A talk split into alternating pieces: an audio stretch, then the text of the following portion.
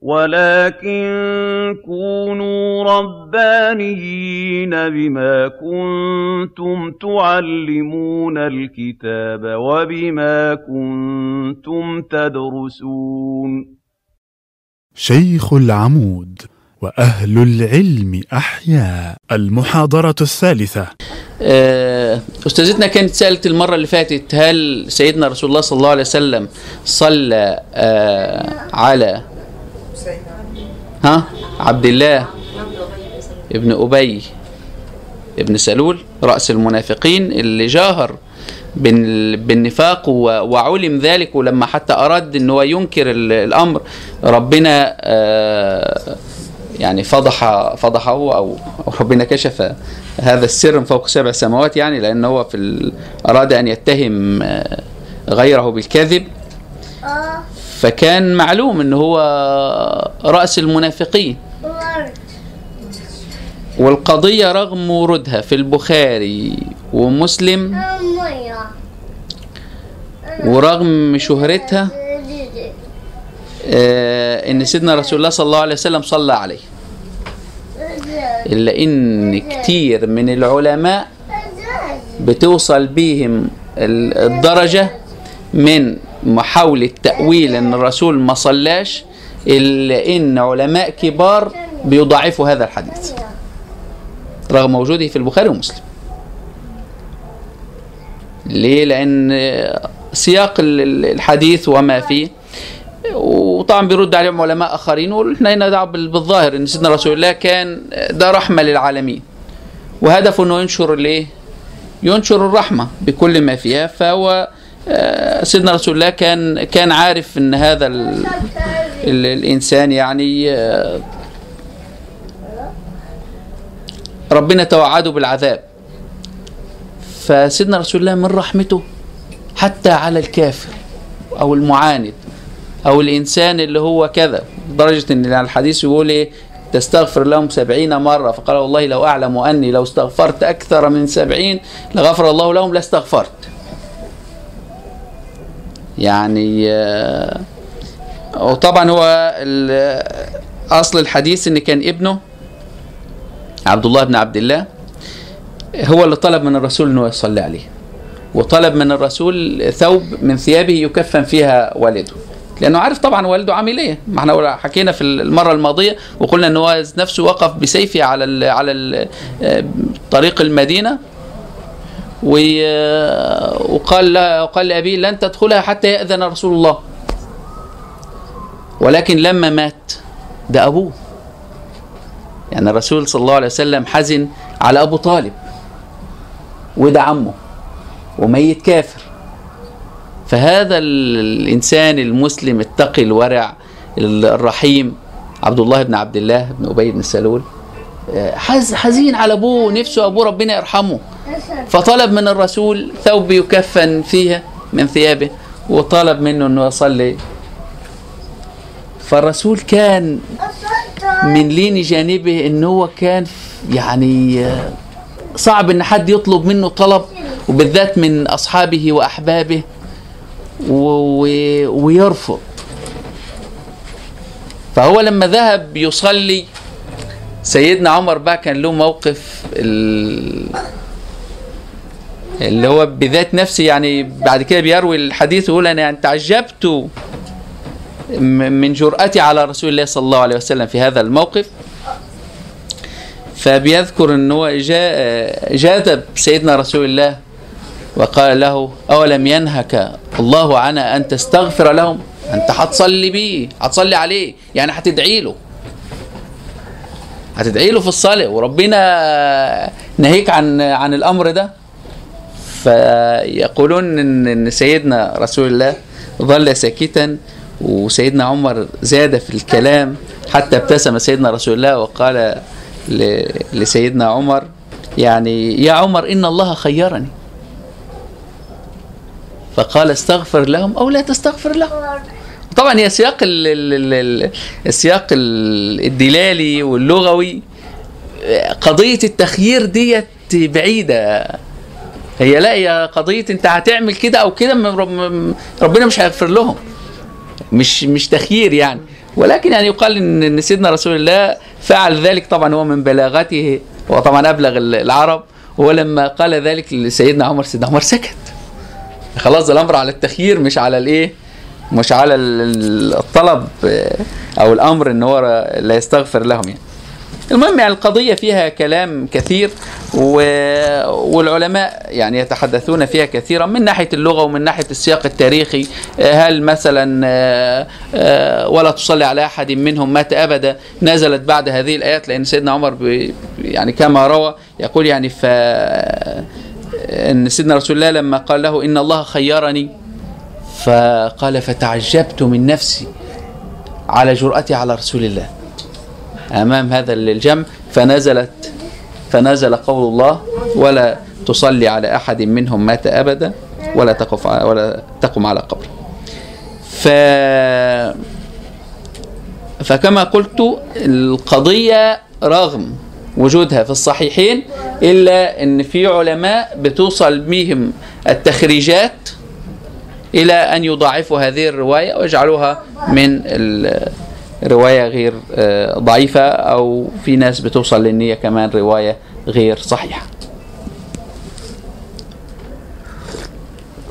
كان في زميل برضو آه، كان تكلم في قضية ال- هل سيد آه، إبراهيم كذب ثلاث كذبات كان حضرتك حضرتك سالت لنا فيها؟ لا والله هو عمره فلان ها هو يعني أنا بحثت ال- القضية وللأسف يعني لقيتها آه، غالبا آه، صحيحة.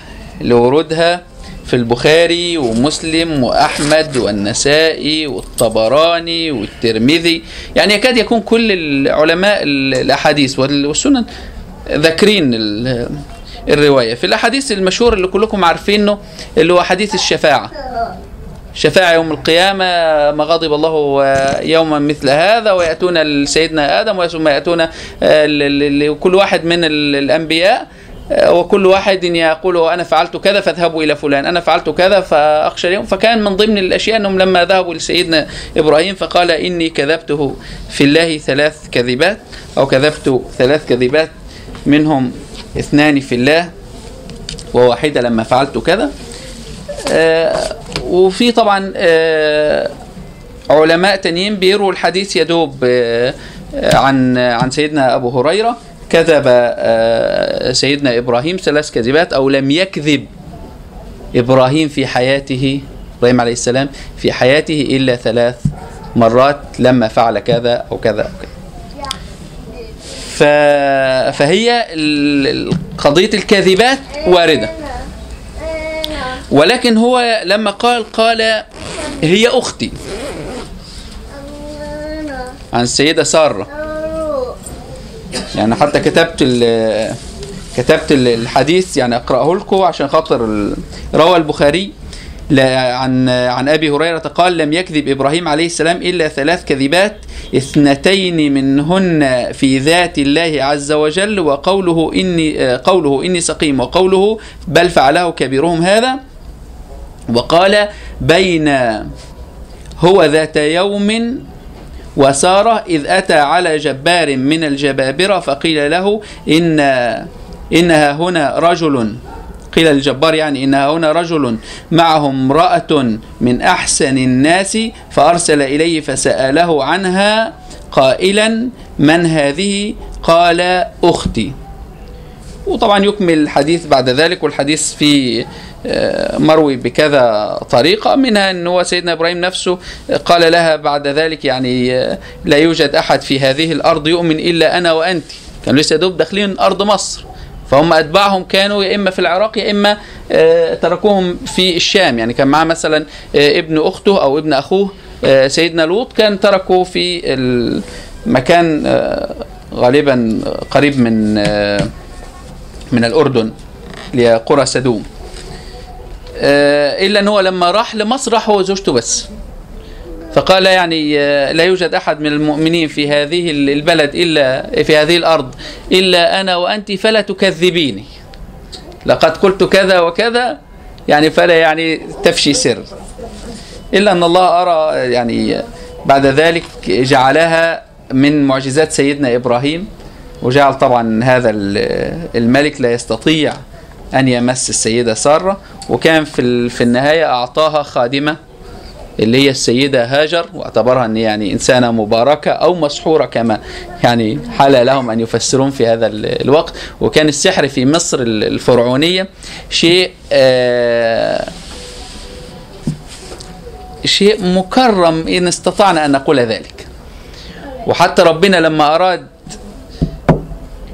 أن يتحداهم تحداهم بالسحر. طبعا كلنا عارفين قصة سيدنا موسى والعصا و- والسحر سحرة موسى وسحرة فرعون والقضية دي كلها. فربنا لما تحداهم تحداهم بمعجزة من جنس ما هم بارعون إيه؟ من جنس ما هم بارعون فيه. فقالوا إن هي يعني ساحرة أو مسحورة أو مباركة أو إلى آخرها. فال قضية كونه قال إنها أختي إحنا عند في في عندنا أخوة الإسلام لأخوة الدين وفي آه، أخوة ال- ال- الوطن وفي أخوة الإنسانية وفي الأخوة العادية في أخوة القرابة. يعني فقضية ال- الأخوة ديت يعني آه، لا أدري هل يصح لنا أن إحنا نقول يعني حينما قال هي أختي كان بيتأول آه، بهذا ال- الأمر يعرض به يعني وخاصة أن سيدنا رسول الله صلى الله عليه وسلم عرض في حياته وقال إن في المعاريض لمندوحة عن الكذب. لما كان في آه، غزوة من الغزوات وسئل يعني الراجل سأله قال له يعني آه، كان يريد أن يستطلع أخبار ال- ال- الجيش العدو. فقال له من أنت؟ قال له لن أقول لي من أنا حتى تقول لي خبر القوم الذين مروا بك. فقال له خبر القوم الذين مروا به ثم قال له من أين أنت؟ قال أنا من ماء. وتركه سيدنا رسول الله صلى الله عليه وسلم و... و... وسار. وقال يعني في ال... فالرجل ظل يقول من أي ماء أنت؟ يعني كان زمان ماء يعني مكان به ماء. فيقول مثلا ماء بني فلان آه، ماء السراه ماء ال- زي مثلا ماء الرياض ماء كذا. ماشي؟ فكان يقول من أي ماء أنت؟ من ماء كذا أم من ماء كذا أم ماء كذا؟ الرسول تركه واستمر مشيا. فهل ده كان من باب ال- ال- التعريض؟ من باب المعاريض؟ ولا يعني أنا بصراحة لا أستطيع أن ولكن اسألوا عنها الشيخ أنس. بالتأكيد أهل الكلام وأهل ال- العقيدة هم بيكون عقليتهم فلسفية أكثر وبيستطيعوا أن هم يأولوا القضية. لأن طبعا قضية ال- الكذب على لسان ال- الأنبياء في في الأحاديث في الحديث الصحيح هل يكون ال- المؤمن آه، جبانا؟ قال نعم. هل يكون المؤمن؟ وفي النهاية هل يكون المؤمن كذابا؟ قال لا. فديت قضية بتتنافى مع مطلق الإيمان فما بالكم ب آه، أمور النبوة. آه، وكون نقول ال- القتل يعني غير آه، منزه الأنبياء عن ال- القتل ومنزهين عن الكذب برضو آه، كلنا عارفين إن ال- المعاصي درجات في كبائر وفي صغائر وفي وسائط والحاجات دي كلها. وهل الإنسان كذاب؟ يعني معروف بالكذب ولا يكذب كذبة لأجل مشكلة؟ يعني من ضمن الأشياء اللي بيباح فيها الكذب كذا وكذا وكذا منها مثلا الإصلاح بين الناس ومنها الحرب ومنها فهو كان في الوقت ده يعني ربما يكون من الأمور اللي بيباح فيها الكذب. ولكن لو جئنا إلى ذنب القتل ذنب القتل وذنب الكذب وبالذات لو قتلة واحدة وكذبة واحدة فأيهم أعظم؟ يعني آه هو سيدنا موسى كان كان قتل عن غير عمد يعني. يعني هو آه بذات نفسه يعني آه استغفر الله وربنا غفر له. وبالتالي حتى القتل ال- اللي هو بنقول عليه قتل الخطأ ففيه الدية. يعني لو إنسان قتل إنسان خطأ ففيه الدية يعني وده دليل على أنه ذنب. وده كونه ذنب ده من الرحمة بينا. وإلا هنبص نلاقي كل واحد خبط واحد ويقول والله ده ما كنتش قاصد كنتش قاصد اقتله فاهمني؟ فكون إن أنا أجبره إن هو يعطي الدية وطبعا الدية دي مبلغ كبير وبتجمع من كل الأقارب اعتراف بيهم بهذا ال- الإنسان وكده. ف فالقتل ذنبه عظيم يعني. مش إلا إن هو بالنسبة لسيدنا سيدنا موسى ربنا غفر له. زي سيدنا آدم كده ربنا غفر له قبل ما ينزل من قبل ما يهبط من الجنة. ومجرد ما سيدنا آدم فعل الذنب ظل يستغفر الله ويستعطف الله حتى يعني كانت مشكلة ال- ال- الفارق الكبير. ما بين سيدنا آدم وإبليس إن ده ربنا أمره بحاجة فعصاه. وده ربنا أمره بحاجة فعمل إيه؟ فعصاه برضه. ماشي بس ده استكبر. ولما ربنا حب يعتب عليه استكبر وأبى وقعد يقول له لا ده أنا خير منه واستمر. وده لا فتلقى آدم من ربه كلمات فتاب عليه. قعد يعتذر يا رب. كل ابن آدم خطاء. يعني وكأنها قاعدة حتى على المخلوق الأول اللي شاهد ال- ال- العظمة والملكوت كلها. مجرد ما ربنا يتركه شوية يجي له إبليس ويزين له الأمر ويعصي ربنا.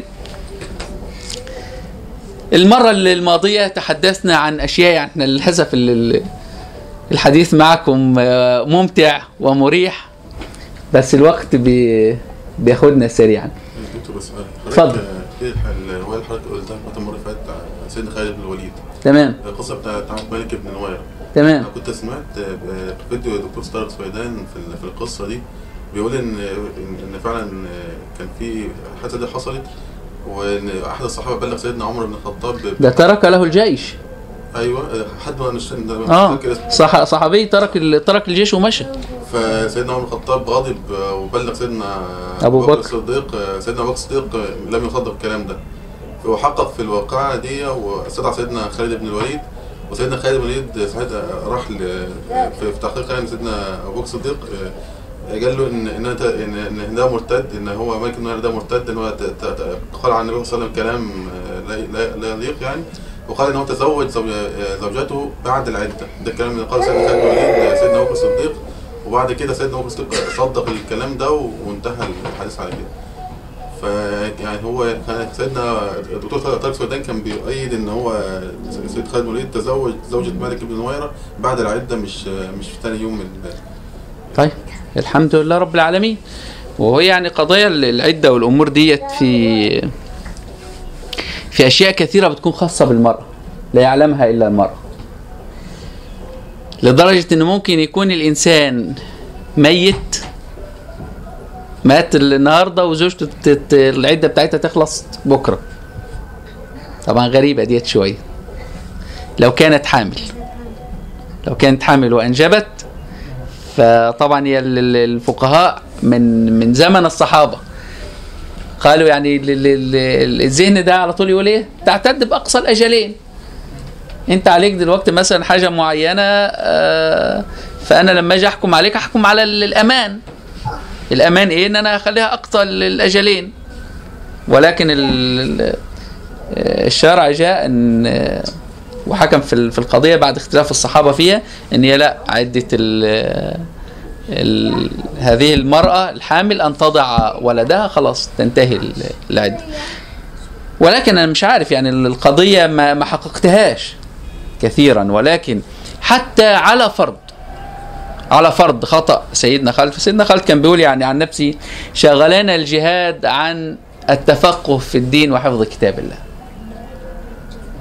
راجل من أول ما دخل في الإسلام سنة 8 هجرية سنة 8 هجرية لغاية 20 هجرية ومات غالبا 20 هجرية أو 22 هجرية.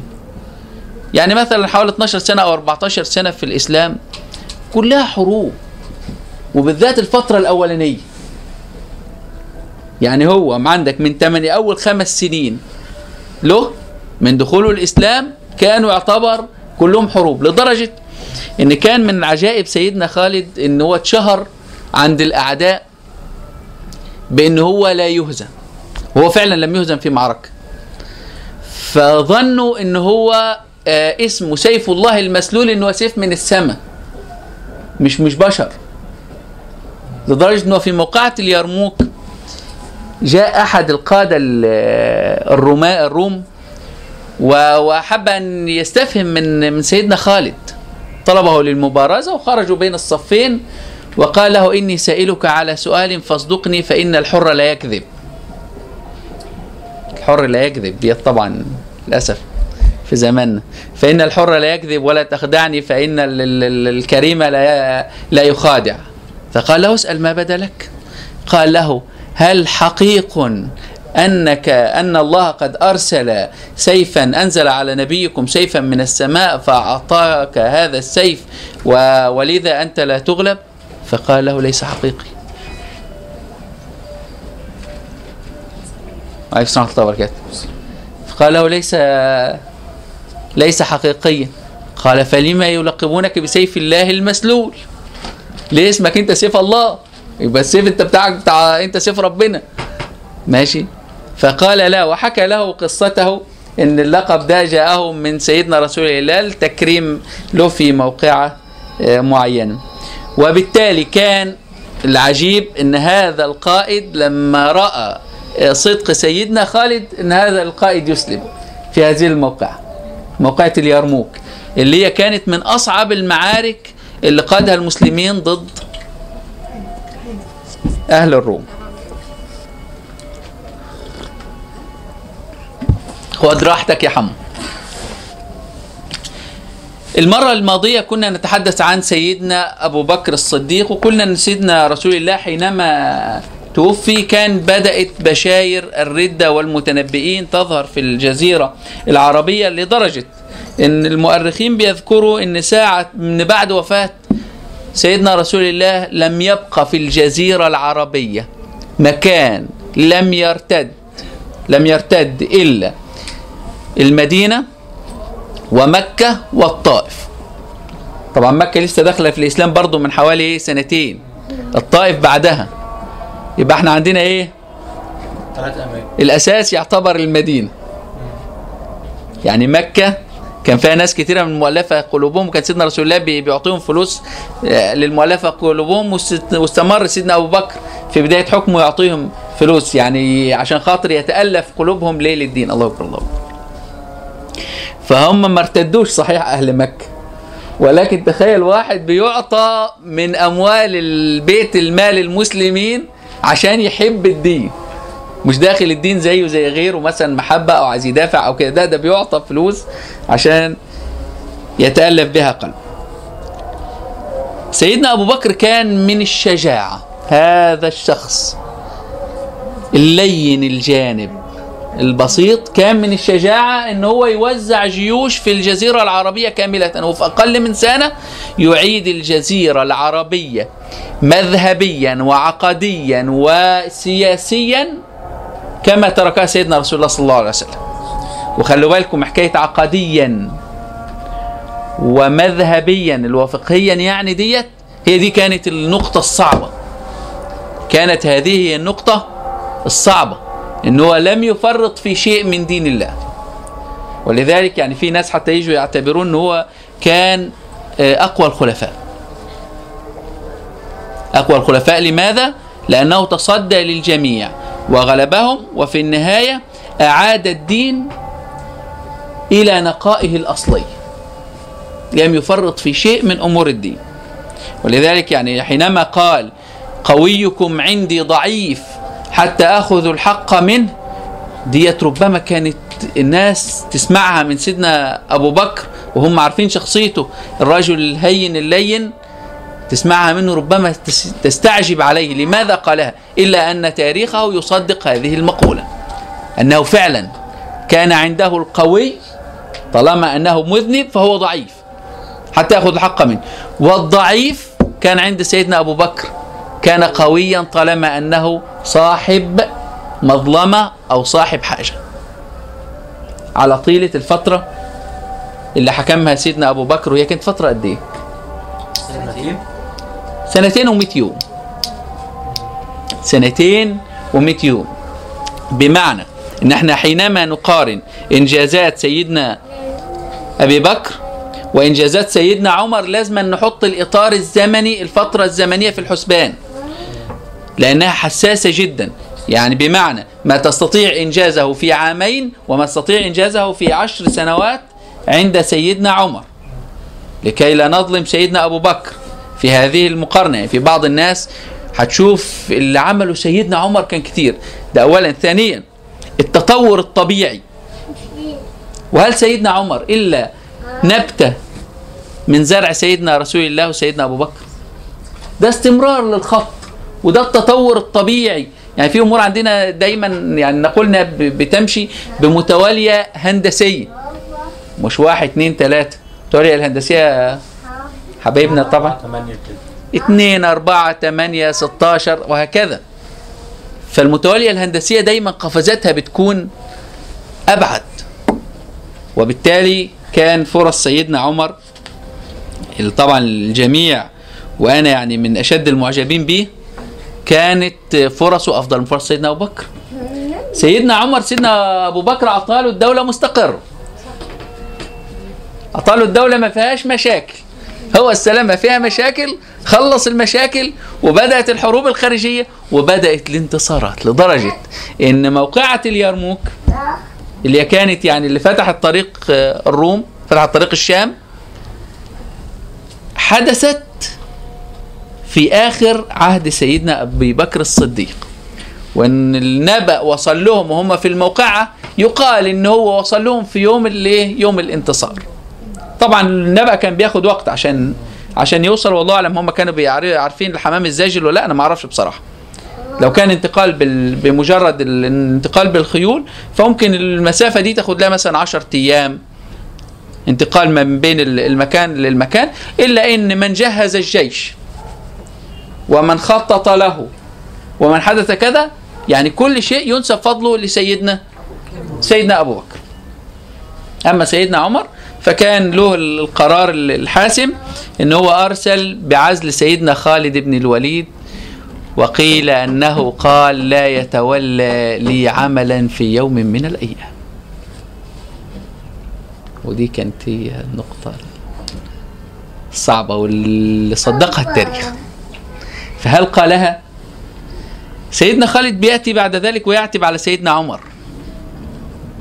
لماذا عزلتني؟ فيقول والله يعني ما عزلتك على على شيء يعني معنى الكلام يعني على نقيصة منك أو كذا ولكني خشيت أن يفتتن بك الناس. وديت برضو قضية حساسة. لماذا؟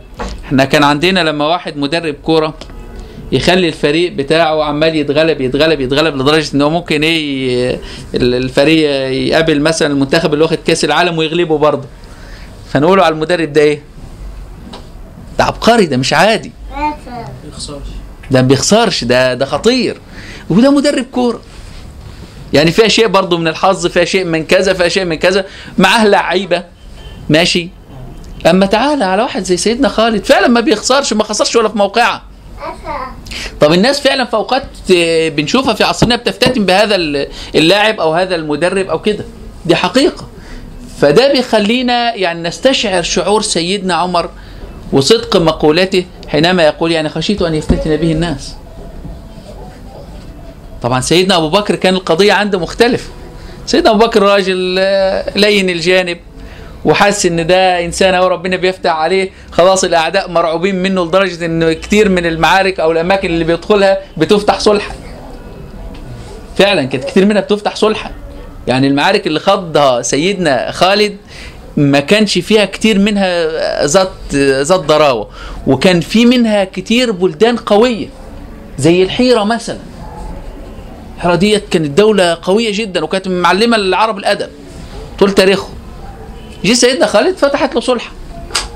فكان له شهرة يعني مش فسيدنا أبو بكر حتى لو الناس هيفتتنوا بيه مش مشكلة ما هو إيه بي لما بيحصل ال- ال- الموقعة بتطلع في الآخر صلحا بكون أنا حافظت على جيوشي. وحافظت برضو على أعدائي. ما هو أعدائي بتوع النهاردة هم جيوشي بتوع بكرة. ما هو ميزة الإسلام إن هو مش حاجة يعني تأتي من آه، مسلم وكافر. وإنما ربما تأتي من مسلم اليوم ومسلم الغد. وإلا فإحنا كلنا في مصر.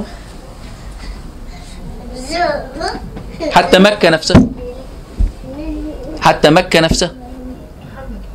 برضو بعد الفتح تحولت من من كافر الأمس ومسلم اليوم. فده الدين ده فيه قوة للانتشار. وكان يعني آه، في بعض الناس يعني ربما يستغربوا عن انتشار هذا هذا الدين. ويشوفوا آه، إن هو كان بينتشر لأسباب أخرى زي مثلا إن كان بيفرضوا على غير المسلم إنه يدفع الجزية. فيقول لك كانوا بيدخلوا في الإسلام عشان خاطر ينفكوا من الجزية. ودي هنناقشها إن شاء الله عشان نخليها كلها مع بعضها في مرة قادمة. ولكن أطمنكم إن وصل في مرحلة من المراحل بتاعة التاريخ الإسلامي مرحلة تاليه عن فترة الراشدين إن كان حتى اللي بيدخل الإسلام كان برضه بيدفع الفلوس اللي كان بيدفعها قبل ما يسلم. لا كان بيدفع الفلوس اللي كان بيدفعها كجزية. آه. مورد من موارد الدولة. أنا مثلا متعود. كمورد للدولة بيجيني في. في السنة مثلا 100 مليار فعدد الدخول داخلين في الإسلام كتير وأنا كده مش مش كلهم هيبقوا مقاتلين وكلهم هيشيلوا سيف فأنا بظل أنت هتدخل في الإسلام حبا يا زين بس أنت مثلا بتدفع في. في السنة 100 جنيه هتدفع ال 100 جنيه برضه باسم ضريبة باسم كذا باسم كذا ف... فشايفين لدرجه دي وطبعا كانت في وقتها عملت مشاكل كانت أيام الأمويين وعملت مشاكل القضية ديت ما ما مرتش. بسهولة إلا إن ده يثبت إن القضية ما كانتش قضية فلوس بس وإلا فخلاص ما الناس عارفين إن كده كده هدفع يبقى أسيب ديني وأروح لدين تاني ليه؟ ما كده كده بدفع آه، كان آه، سيدنا أبو بكر كان عنده من الفضائل إن هو طبعا أول من أسلم من الرجال وظل مع سيدنا رسول الله صلى الله عليه وسلم مدافعا عنه بنفسه وماله ووقته وعقله وفكره و... بكل شيء وكان سيدنا أبو بكر يعني لو لو أدركنا ببساطة كده إن والده أسلم سنة كام؟ أسلم سنة فتح مكة بعد ابنه بكام سنة؟ أقول 20 سنة 21 سنة يعني مش هنشوف إن هو لا كان مثلا في بيئة ناس مثلا مسلمين أو كده لا. أبوه نفسه اللي هو أبوه ما أسلمش إلا أيام فتح آه، مكة. وكان سيدنا رسول الله من أفرح الناس بهذا الإسلام. لأن أبوه كان خلاص كبر جدا في السن وكأن يعني آه، سيدنا رسول الله يعني فايت فيه الأمل. إن هو يسلم. آه، ابن أبو بكر لو هيسلم ما كان أسلم من 20 سنة. أبوه الناس كلها ابنه الناس كلها بتسلم وابنه الرجل الثاني في الدولة والحاجات دي كلها. يعني أولى له أن يسلم. فحدثه سيدنا رسول الله بعد فتح مكة فأسلم فكان من- أسعد الناس بهذا الإسلام. آه، سيدنا أبو بكر نزلت فيه آيات في في القرآن منها إن طبعا سيدنا أبو بكر كان بينفق أموال كثيرة جدا وكان من الأغنياء كان من الأثرياء. فكان بينفق أموال كثيرة جدا على سيدنا رسول الله وعلى الصحابة. وكان كل الأموال دي بيبتغي بيها وجه ربنا. فكان من ضمن الإنفاق دي حاجة آه، ناس استغربت لها شوية اللي هو سيدنا بلال. سيدنا بلال يعني عبد حبشي لو نبص مثلا دلوقتي واحد خدام عندنا في الشارع ومش مثلا در- درجة الخدام ديت ربما تكون بالنسبة له كانت درجة إيه؟ كبيرة. ماشي؟ وبيخدم عند إنسان لئيم. الناس بت ب... وده أسلم وبدأ يعذبه وكذا. فسيدنا أبو بكر يروح يطلب من ال... من هذا الإنسان آه، هل تبعني بلالا؟ فقال له حتى لو دفعت لي أربع أوقيات من الذهب لن أبيعكم فقال له أولو أعطيتك هذه الأربعة؟ قال تعطي في بلال أربع أوقيات من الذهب؟ يعني ده عبد يعني ده الواحد يشتري ما عندنا منهم ياما يعني. فقال له أعطيك. فأخذ الإيه؟ الفلوس. وخلاص وده أخذ بلال ومجرد ما أخذ بلال قال له أنت حر. على طول. فهذا الرجل والكفار بعدما اشترى سيدنا رسول الله صلى الله عليه وسلم سيدنا بلال أحس بأنه كده إيه؟ كأنه اتضحك عليه.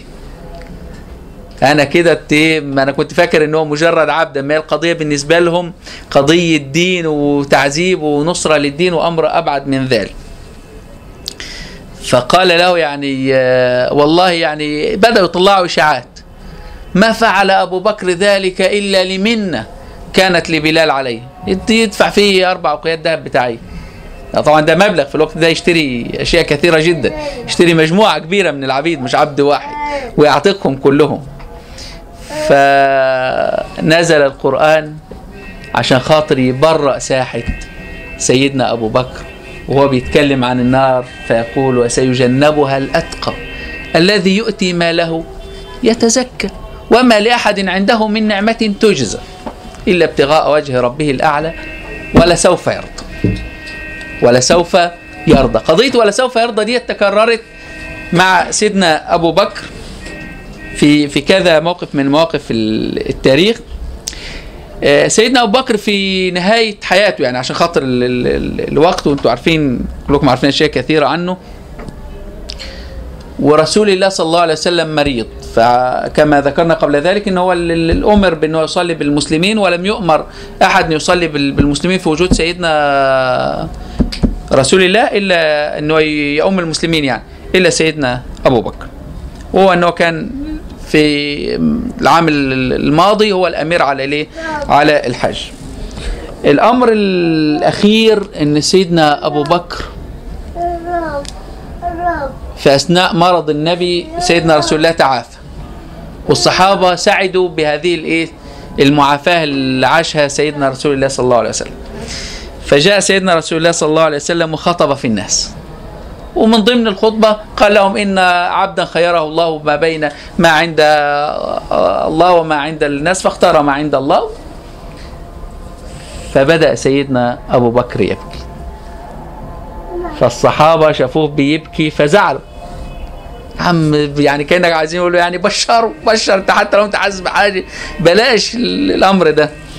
فلما يعني تغيروا على سيدنا أبو بكر فرد عليهم سيدنا رسول الله وقال لهم أيها الناس إن أمن الناس علينا أبو بكر. إن من كانت له علينا يدا في يوم من الأيام كافأناه بها. إلا أبا بكر. لم نستطع مكافأته فتركنا مكافأته لله. أيها الناس من اليوم كل الأبواب على المسجد تغلق إلا باب أبي بكر أو كل الخوخات يعني بتبقى ديت باب داخل الباب.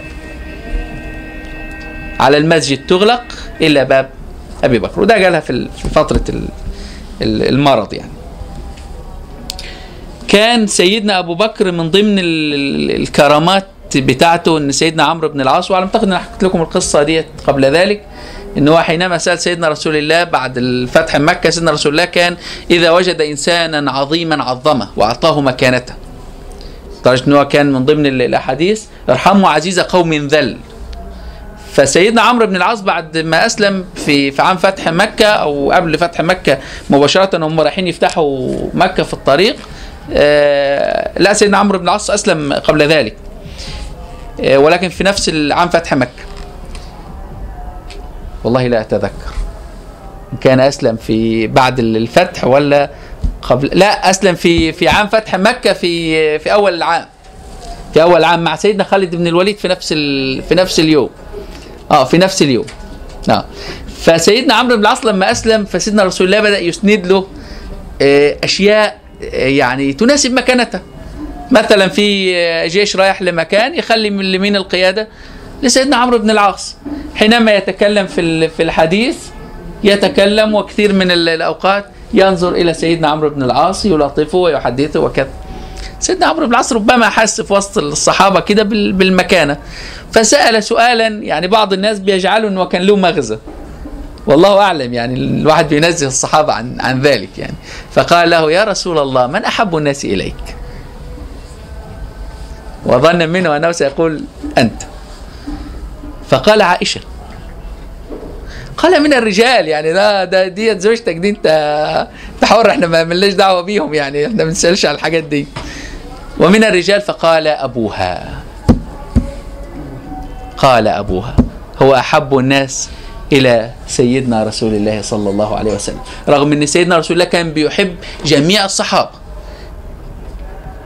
وكان بالنسبة لهم هو الأخ وهو الأب وهو ال يعني كل شيء بالنسبة لهم لدرجة إن فرض عليهم وده حتى فرض علينا إنه ولا يتم الإيمان إلا إذا الإنسان أحب سيدنا رسول الله أكثر من حبه لنفسه. وبالتالي كان سيدنا رسول الله بالتأكيد بيحبهم أو يبادلهم هذا الحب. ده مما لا, لا شك فيه يعني. ولكن حينما سئل في وسط مجلس من أحب الناس إليك فلم يخفي أن يقول أبو بكر. دي كانت من آه، كرامات سيدنا أبو بكر ومن آه، أفضاله التي لم ينازعها فيه أحد. وبالتالي لما بيجي ناس يبدأوا يقولوا مثلا سيدنا علي أفضل أم سيدنا أبو بكر أفضل. فبكده القضية رغم أن يعني التفضيل وال- والأشياء ديت وإن كان يعني آه، كتير من الناس بيقولوا سيدنا علي أفضل. تستغربوش علماء كبار يعني. من أهل السنة ولا؟ من أهل السنة. من أهل السنة ده طبيعي إن الشعب الشعب بيعتبروا إن أبو بكر ده ظالم وكذا يعني فطبيعي إن هم الشيعة يقول لك ان ان إن سيدنا علي أفضل. لما بتكلمك عن أهل السنة ماشي؟ إلا إن لما قورنت قورنت مقارنة يعني أرى إن هي علمية عادلة ما بين ما قيل في كرامات وما قيل في آه، أفضال سيدنا علي وما قيل في أفضال سيدنا أبو بكر وهذا الكلام مش مش ليا وإنما أحد العلماء اللي عمل هذه المقارنة. فقال ما قيل في سيدنا علي شاركه فيه غيره. شاركه فيه غيره وجاب أدلة من القرآن ومن السنة على هذه المشاركات. أما ما قيل في سيدنا أبو بكر فقد تفرد بها أبو بكر دون عن عن بقية الصحابة. وبالتالي هو بينتهي إلى أن سيدنا أبو بكر أفضل من سيدنا علي. طب حد يقول طب ليه إحنا بنتكلم بقى مين أفضل من مين ومين أفضل من ما كلهم ناس أفاضل وخلاص. قبل ما نكمل اتفضل. آه، استناد العلماء اللي قالوا إن سيدنا علي أفضل كان استنادهم على إيه؟ أنا حديث عن سيدنا رسول الله صلى الله عليه وسلم فأفضل سيدنا علي. يعني مثلا حينما يقول ألا ترضى أن تكون مني بمنزلة هارون من موسى؟ طبعا سيدنا هارون كان وكان نبي بعديه وهو اللي ورث الحكم بعديه. أخوه ورث الحكم بعديه. سيدنا علي اللي مربيه مين؟ سيدنا رسول الله صلى الله عليه وسلم. متزوج مين؟ بنت رسول أحفاده مين؟ آه أبنائه مين؟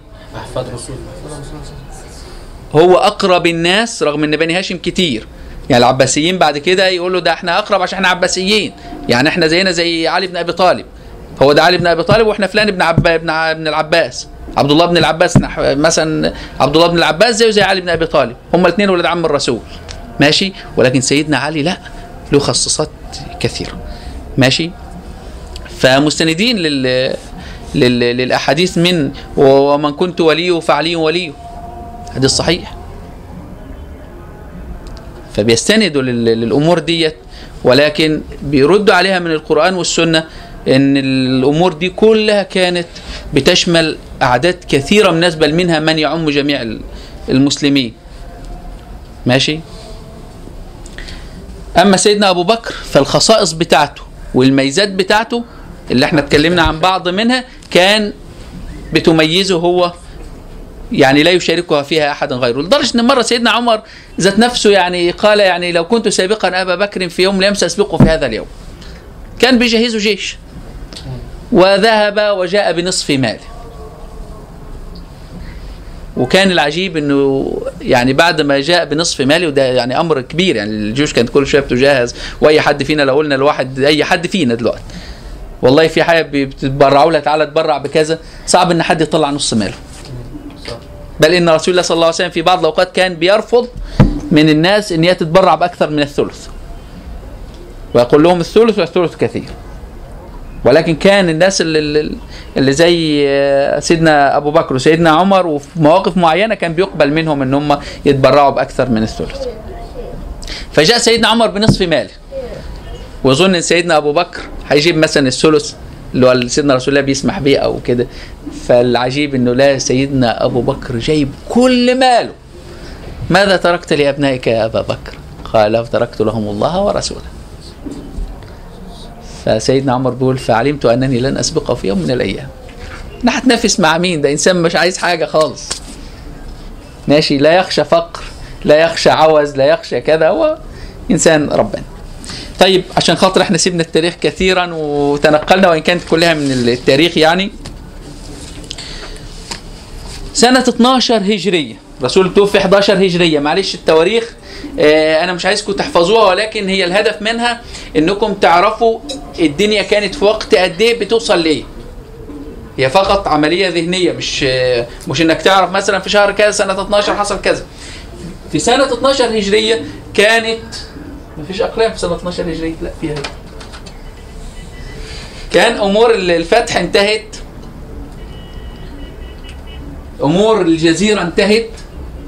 وبدأوا يتوجهوا للعراق.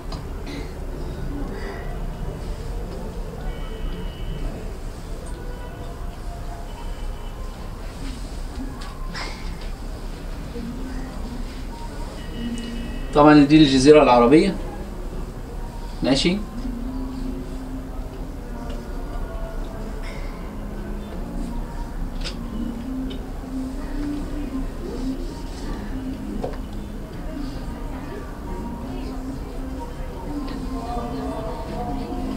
إحنا إيه؟ دي طبعا عندنا كده. العراق هنا وهنا الشام. دي بلاد عربية محتلة في وقتها. بلاد عربية محتلة في سنة 12 سيدنا خالد بن الوليد في جيش بيحارب مسيلمة الكذاب في المنطقة دي كده. فجيه طالع بعد ما خلص الحرب وبدأ يفتح في مدن العراق. ليه يفتح مدن العراق؟ لأن مدن العراق كانت محتلة المنطقة دي والمنطقة دي عربية. عشان خاطر الناس الفرس اللي كانوا هنا المحتلين المنطقة ديت كانوا برضو بينهم وبين العرب مشاكل كثيرة من من السابق. لدرجة إن هم كانوا بيضربوا قائد الجيش اللي كان اسمه هرمز كان بيضربوا بيه المثل في الكفر. يقول لك ده فلان ده أكفر من هرمز. يعني آه، عارفين هرمز وعارفين كفر هرمز واللي بيعملوا هرمز في, في الناس. وكما قلت لكم يعني كان فينا مملكة ال- الحيرة كانت في في المنطقة هنا وكان آه، النعمان بن المنذر هو ال- الحاكم فيها. وكان آه، في معاه حاكم زي حاكم عسكري كده من الفرس كان اسمه مرزبان كان موجود معاه. زي كتير من الاحتلالات في بعض الأوقات. إحنا عندنا الاحتلالات أنواع. في احتلال استيطاني زي اللي عاملاه إسرائيل دلوقتي. إن أنا بجيب الجي ال- ال- ال- ال- المجتمع بتاعي وأعيشه في المكان ده وأطرد السكان الأصليين. زي اللي حصل مثلا في أمريكا لما طردوا الهنود الحمر وزي اللي حصل في أسبانيا لما طردوا المسلمين. ماشي؟ ده احتلال استيطاني بطلع السكان الأصليين وأقعد أنا إيه مكانهم ماشي؟ وفي احتلال عسكري. بخلي الجيش اللي موجود في المكان ده يا إما يسرح يا إما يبعد يا إما جزء منه يتضم لي وجزء يقتل أو يسرح أو يسجن أو ما إلى ذلك وبيصبح كل العساكر اللي في المنطقة دول تابعين لي. ماشي؟ وفي احتلال ثالث بيبقى احتلال يعني آه، احتلال سلطوي أو احتلال سياسي. الاحتلال السياسي ده أنا يكفي إن أنا أبعت مثلا أيام بريطانيا أبعت ال- المندوب السامي البريطاني يجي يقعد في القاهرة. خلاص ما فيش حاجة هتحصل في مصر إلا بال... بأوامر المندوب السامي البريطاني وهو فرد لوحده. ماشي؟ بس معروف إن كل سنة مصر هتودي لنا كذا من الفلوس. معروف إن أوامرنا هتنفذ معروف ان إن كذا. يعني زي اللي بيحصل في الاحتلال بصفة عامة بس أنا مش حاجة أعيش في في المكان ده. كان عندنا في في مصر في الوقت ده ماشي الخريطة جت كده شوية مش مشكلة.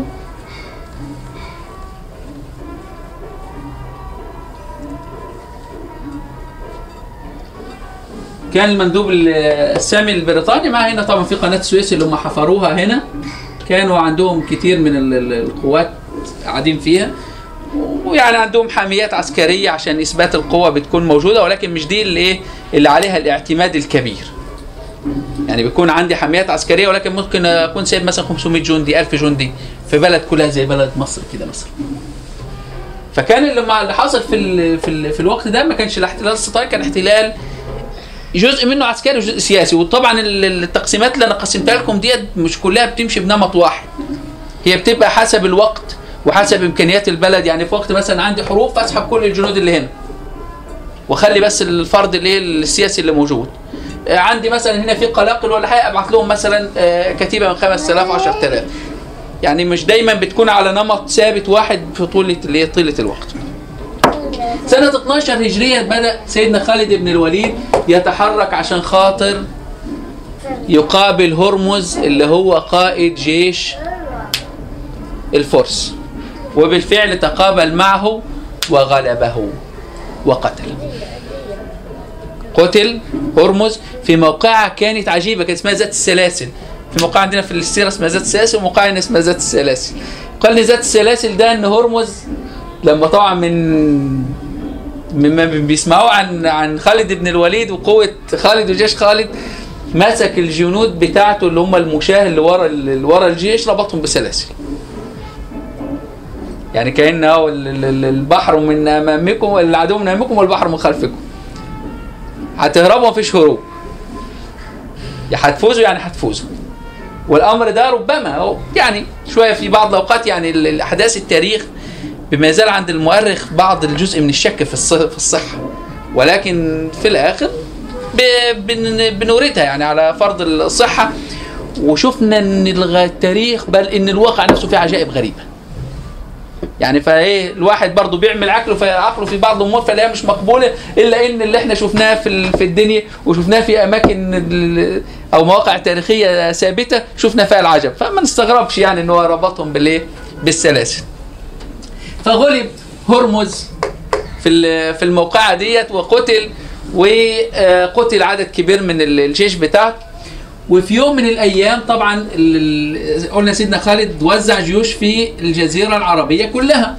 هنا وهنا وهنا بعد ما انتهوا تحولوا جزء منهم راح للعراق وجزء راح للشام. الجزء اللي في الشام ال- ال- الروم اللي هم طبعا دولة النصارى اللي كانوا بدأوا في من البداية مع المسلمين. ما فيش مشاكل. بعد شوية الأمور السياسية لما بدأ المسلمين قوتهم تنهض ويكون لهم مكانة جهزوا جيش عشان يقضوا ي- على المسلمين. فأرسل سيدنا رسول الله لهم جيش في, في مؤتة واستمرت من وقتها الصراعات. يعني لا يكاد يمر سنة من غير بدون بدون حروب. حتى تجمعت قوة كبيرة لهم. هنا في عهد سيدنا أبو بكر سنة اواخر 12 هجرية و13 هجرية. ماشي. في موقعة اليرموك. موقعة اليرموك. عند نهر اليرموك. وفي موقعة اليرموك بدأوا الناس القواد اللي موجود في كل مكان يروح على اليرموك. فجمع عندنا أربع قوات أربع قوات كل قائد اللي معاه 2000 جندي اللي معاه 10000 جندي اللي معاه 5000 كان الأربع قوات سيدنا خالد بن الوليد وسيدنا خالد بن سعيد على ما أعتقد وسيدنا أبو عبيدة بن الجراح وسيدنا طلحة بن عبيد الله على ما أعتقد. المهم إنهم أربع قادة وكل واحد مع الجنود بتاعته. وهيبداوا يدخلوا الموقعة. بص سيدنا خالد لقى الروم مجمعين. عدد كبير جدا. يعني برضو بي- ربما أنا كمؤرخ بشوف في آه، المؤرخين المسلمين ربما بيبالغوا شوية في العدد. لك مثلا 120 ألف وصاد 40 ألف أو ربما يقول لك مثلا 180 ألف. يعني في بعض الأوقات بيذكروا أعداد. برضو الواحد يعني قضية الأعداد بالذات بيبقى عليها تحفظ. إلا إن الثابت وده على مستوى الدول. أي دولة ناهضة ودولة كده الدولة اللي بتقع بتجيش جيوش كبيرة جدا وبتهزم برضه ودي ربما يكون من سنن ربنا في. في, أحكام الدول يعني. الدولة اللي خلاص نجمها بي- بيقفل مهما حاولت ومهما جيشت من جيوش بتهزم بأقل القليل. وده حصل حتى مع المسلمين فيما بعد. ولكن فيما بعد في دول فيما بعد يعني مثلا بعد 300 400 سنة 500 سنة. كانوا في بعض الأوقات بيجمعوا جيوش كبيرة ويهزموا بجيش قليل جدا. يعني المغول لما جو الجيش اللي هزم محمد خوارزم شاه وفتح واحتل إيران ولحد وإيران فوقتها كانت سنة. خاطر في بعض الناس بتزور لما يذكروا اسم إيران. أيام المغول كانت إيران سنة لسه هم بعد كده تحولوا صفويين فيما بعد.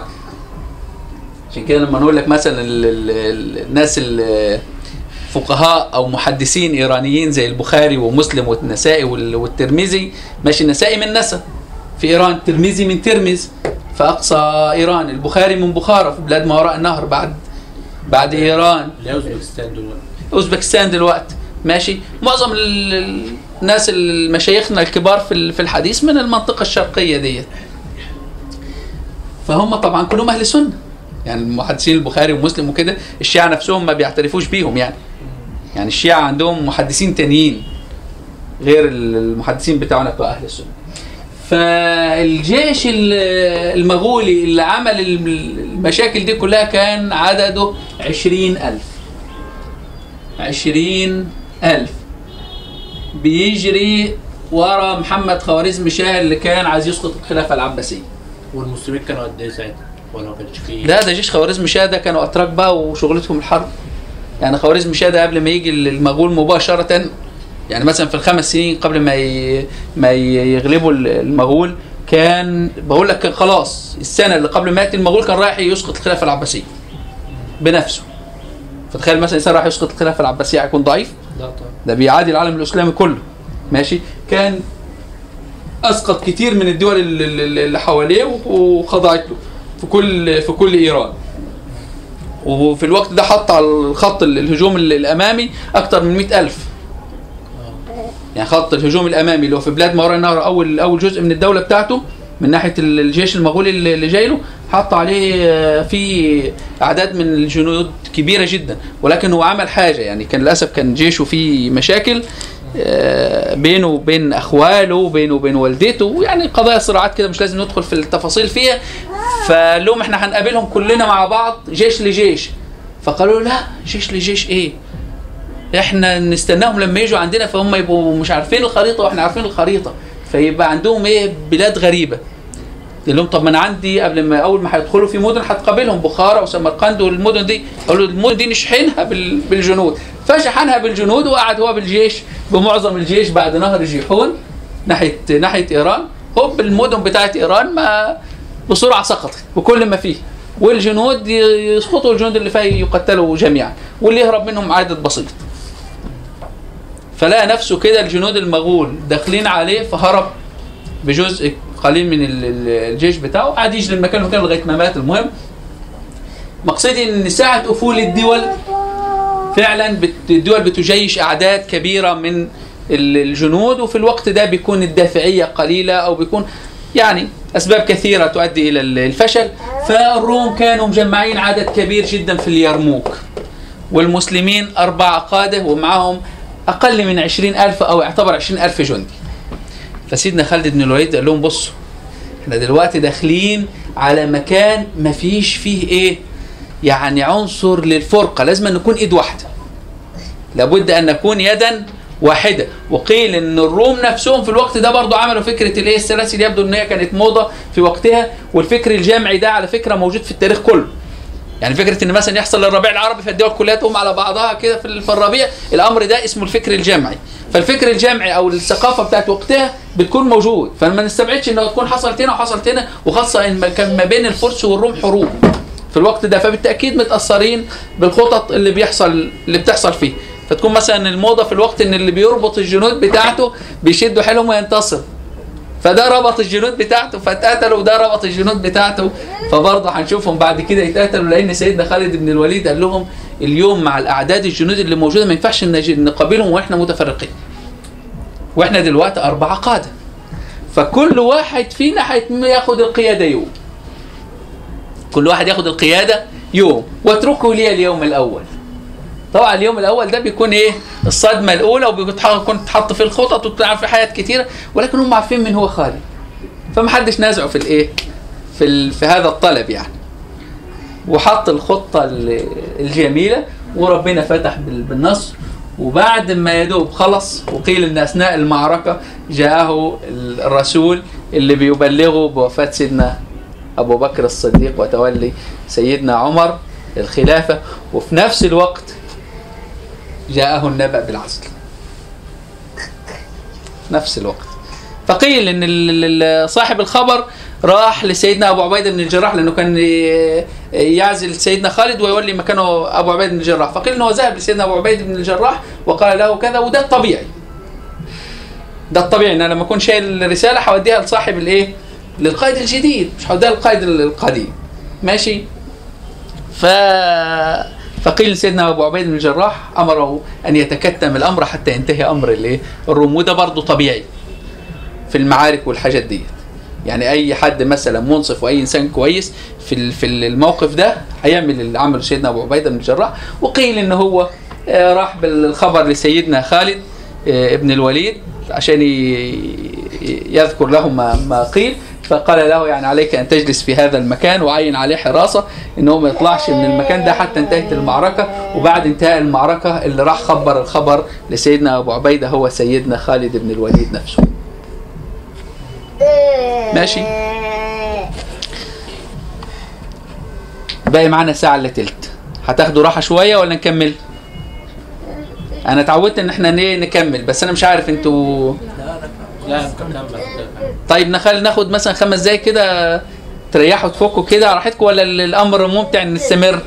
الامر ممكن. نستمر. آه طبعا القضية ما كانتش بالنسبة للفرس في موقعة واحدة ولكن كان في عدة مواقع وفي الشام أيضا في عدة آه، مواقع كان في الوقت ده برضو فتحوا الجزء الشمالي من الجزيرة هنا دومة الجندل حد فيكم أكيد حد كان بيكلمني في السعودية لما كنا بنقوله سكاكا وعرعر والمنطقة دي. دومة الجندل في المنطقة الشمالية السعودية. برضو اتفتحت في عهد سيدنا أبو بكر الصديق في آخر في آخر عهده يعني. وطبعا آه، اللي حصل في الشام أو في. في وقت الاحتلال في عندنا حكومة مسيطرة. وعندنا ناس عاديين مواطنين عاديين. في الوقت ده. زي ما إحنا موجود في العصر اللي إحنا فيه. صاحب ال- الجيش معاه مسدس أو معاه سلاح أو كده أما الناس العادية ديت ما حتى ال- الإسلام محرم أساسا إن يتعرضوا لأي إنسان ما يتعرض لهمش فما في مزارعين في مزارع بيبقى في ناس عباد بيبقى في ناس في مصانع. صاحب المزارع ده ممكن يمسك فاس ويروح يقتل بيه وفي الوقت ده بيتحول لمحارب. راجل الصنايعي ده اللي طول النهار ماسك حديد وعمال يشتغل ده ما هو قوي برضه. ممكن يمسك نبوت ولا يمسك أي مشكلة ويروح يقاتل بيها. وفي الوقت ده يحاول يتحول إلى مقاتل. أما في العادي أو مثلا الشائع إن لا الجيوش جيوش. لها نظامها لها خطة لها كذا. والناس العادية عاديين. فده ما كانوش بيتعرضوا لهم. وخاصة يعني يقال أيضا إن هم زي ما حصل في مصر كانوا مرحبين. بالفتح العربي. مرحبين بالفتح العربي. لعدة أسباب. أولا ما شهرش عن المسلمين إن هم كانوا بيكرهوا أحد على الدخول في الدين. لم يشهر عن المسلمين. هم طبعا الشام في الوقت ده مسيحيين.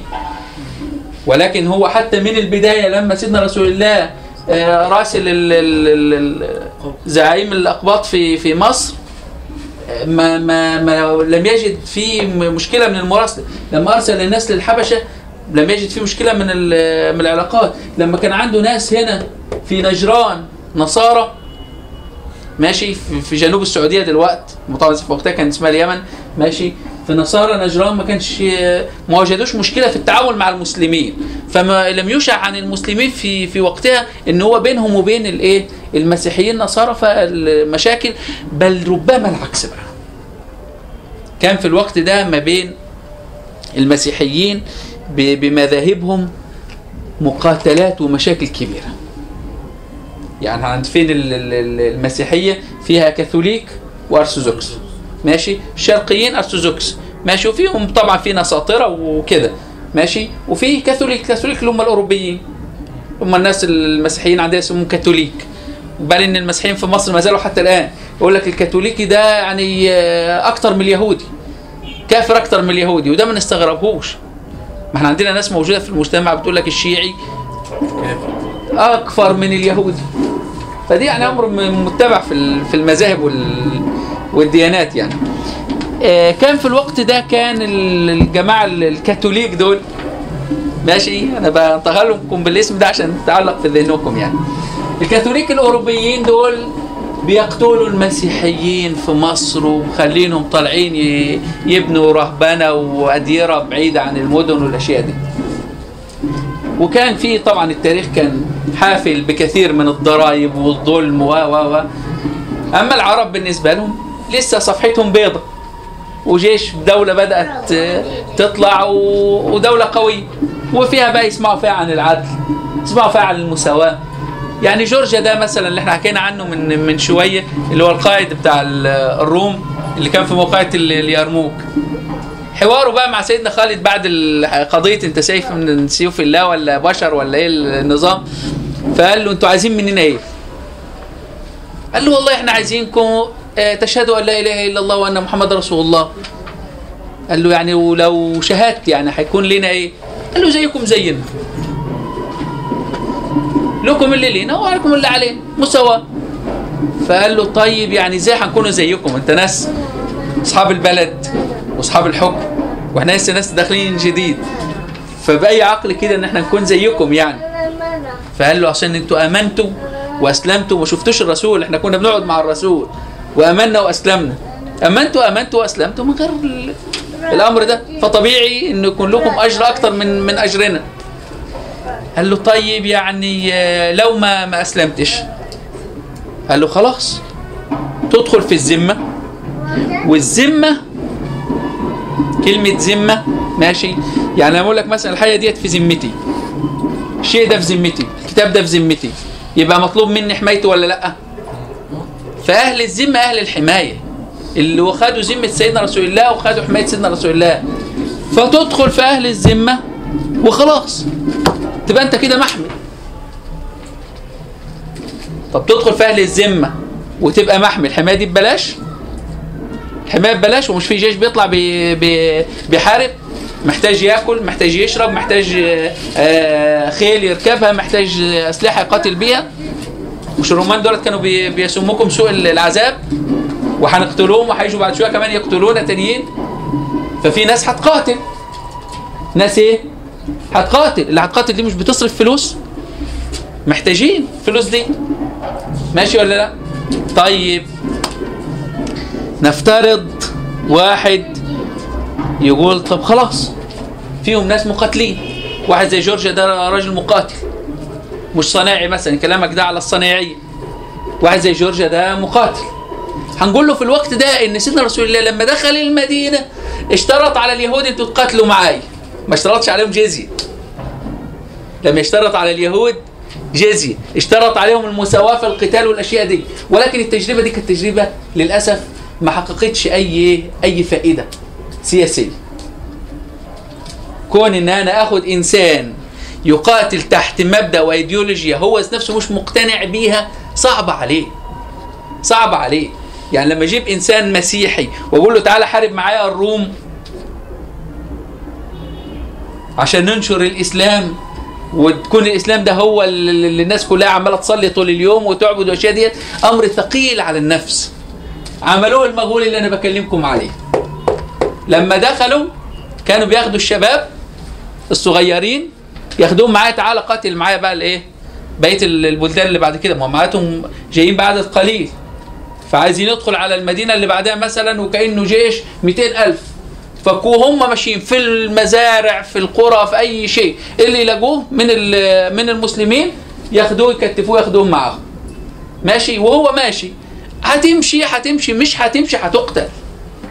فكتير منهم بيقتل وكتير بيمشي. طب اللي بيمشي؟ أول ما بيروح على على المدينة بتاعت المسلمين التانية يخليهم هم فين؟ ورا ولا قدام؟ لا. لا خليه قدام. قدام. فيصبح المسلمين اللي على المدينة لو رمى بسهم كده هو هيجي في مين؟ مسلم. هيجي في مسلم. وهو عارف المسلم ده مغلوب عن امره واللي ورا ادخل. عمال يضرب بيه في في القتل من ورا. ادخل مع جايب عدد كبير ومش خسران فيهم حاجة. ادخل كسر في المدينة ادخل شيل مثلا ال- السلالم اللي كانوا بياخدوها دي للحصون والأشياء ديت أو ال- الدبابات أو أو غيره أو ال- المنجنيقات اللي, اللي بترمي. ماشي؟ طبعا هو اللي كان الإنسان بيبقى في, في الوقت ده كان المدن بيكون لها قلاع. قلاع في الغالب كانت تبنى على تل كده في طرف من المدينة وكان بيعيش فيها ال- الجيوش زي القلعة بتاعتنا بتاعت صلاح الدين. ماشي يعيش فيها الحامية العسكرية اللي موجودة أو الجيش أو كده. فلما حد يجي عندهم عايز يهجم على القلعة هم بيبقوا من فوق. فبيرمي لما بيرمي بنبلة كده توصل مثلا 100 متر أو 50 متر. العكسه اللي بيرمي من تحت لفوق اولا بتبقى ضعيفة. ثانيا لو دي وصلت 50 متر الثانية آخرها توصل مثلا 25 30 متر. وبيبقى صدها سهل لأنها بتنزل ممكن تنزل كده. أما الثانية نازلة كده على طول. فالمهم يجيبوا هم المسلمين ويخلوهم يهاجموا الإيه؟ يهاجموا المسلمين. فيوم القتل يحصل في مين؟ من المسلمين لبعض. المسلمين بقى ما عملوش الحركة دي. عملوها في البداية مع الايه؟ مع اليهود في المدينة. اشترطوا الشرط ده إن المدينة دي مدينتنا. كلنا مسؤولين عنها. ندافع مع بعض نحارب مع بعض نعمل كذا مع بعض نعمل كذا مع بعض. أما بعد كده بقى حصل مع نصارى نجران ودي كانت بعد فتح مكة. بعد فتح مكة. إن سيدنا رسول الله صلى الله عليه وسلم أعطاهم كامل الحرية. في العبادة في الدين في بناء الكنائس. بناء الكنائس ماشي. في تعمير الكنائس في ترميمها في كذا ماشي. بل إن في نصوص بتذكر إن ممكن المسلمين يساعدوهم على ترميم الكنائس. ماشي؟ حاجات يعني أنا لما قرأتها است- استغربت لها لأن الثقافة ال- الشائعة عندنا عكس كده نهائيا يعني. ماشي؟ آه وأعطاهم الأمر إن هم خلاص هتدخل في الذمة يبقى في حاجة مقابل إيه؟ مقابل للحماية ديت في مقابل للحماية ديت تدفع حاجة اسمها الجزية. يبقى لك الحماية تدخل في ذمتنا ولك الحماية وتدفع الجزيه ده اللي قاله سيدنا خالد لجورج. ماشي؟ طيب. بعد بعد ذلك يستمر لغاية ما جورجيا في الآخر يقتنع ويختار الدخول في الإيه؟ في الدين الإيه؟ الاسلامي لأن الخيار الثالث هو خلاص هتحصل حرب بيننا وبينكم. إحنا جايين دلوقتي الجيشين خلاص داخلين على بعض وفي بيننا وبينكم صراعات. يا تدخلوا في مذهبنا اللي زي لكم. ماشي؟ يا الأمر الثاني خلاص أنتوا بالنسبة لكم خلاص آه تريحوا أو تروحوا بلادكم أو كذا أو كذا و... وتصبحوا من أهل ال... أو تدخلوا في بلادنا وتبقوا من أهل الذمة لكم الحماية ولكم كل شيء والحرية مقابل جزء من المال تدفعوه والذمي له مال المسلم من حقوق وواجبات. إلا طبعا الأشياء المتعلقة بالدين طبعا دي قضية آه، يعني هم لهم شرعهم ولا ي... ما... ما ينكرش عليهم شرعهم. بل أنا وجدت الفقهاء بيذكروا حاجة عجيبة في حكاية الشرع ديت. يقول لك لو في شيء محرم على المسلمين وغير محرم على المسيحيين زي لحم الخنزير مثلا. في بلد المسلمين. في بلد المسلمين. هل يجوز للحاكم المسلم منع المسيحي من هذا الفعل؟ المحرم؟ طبعا أنا بسياق ال- ال- ال- الحديث كده أنتوا عرفتوا ال- الإجابة. هو محرم عندك بس مش محرم عنده. ماشي. محرم عندك بس مش محرم عنده. يبقى أنت ليه هتط- تطبق شرائع دينك عليه؟ ما هو يا مسلم؟ يبقى خلاص المحرم عنده هو أخوك. وكده بنتفق على ليه على القاعدة العامة. أما طالما حاجة فيها خلاف محرم عندك ومش محرم عنده يبقى أنت ما تمنعش ما تمنعوش. تحرموا عليه ليه؟ إيه.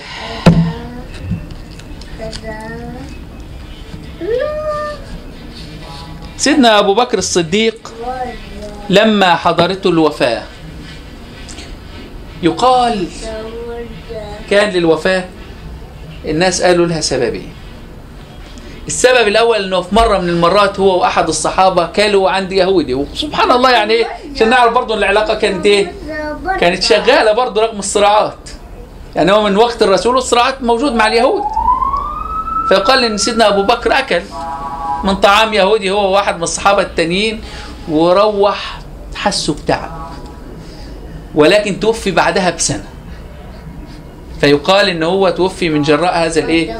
هم حسوا كأنهم أكلوا الطعام كان فيه جزء من السم.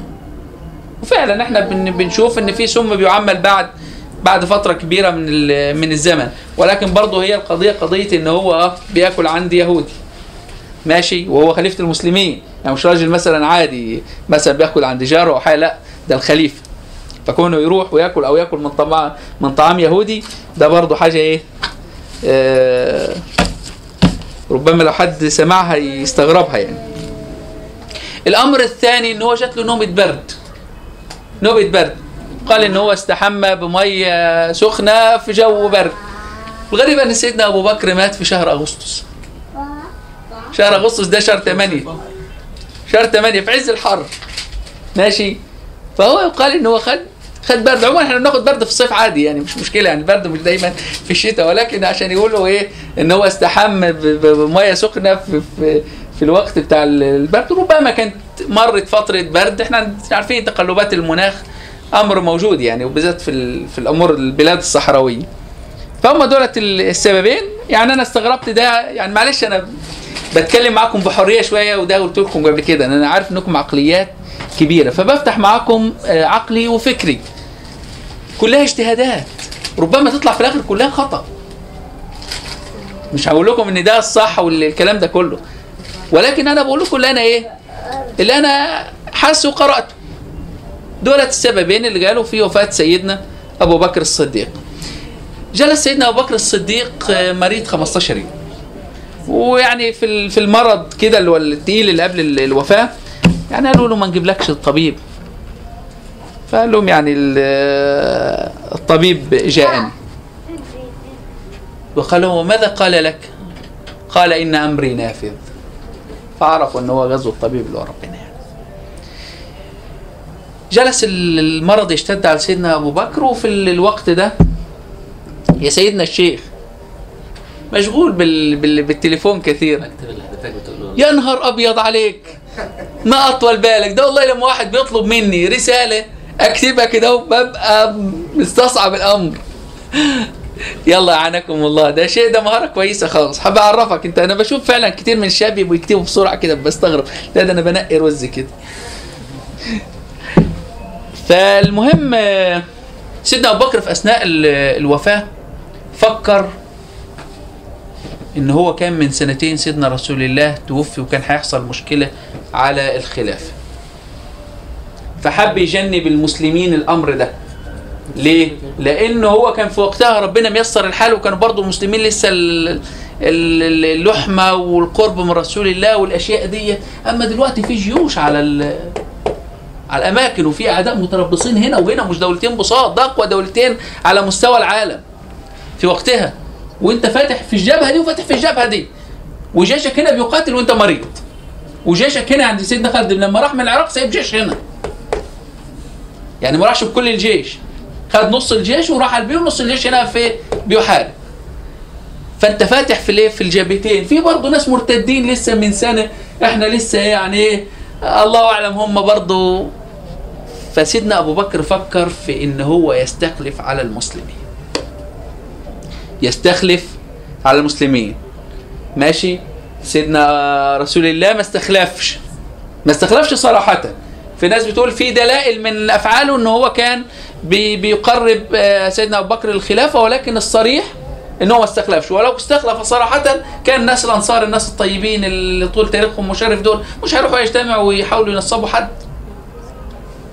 ماشي؟ خاصة ان في يعني ال الأمر ده لا يخرج من قريش والخلافة في قريش والأمور ديت يعني برضو احاديث الواحد إيه؟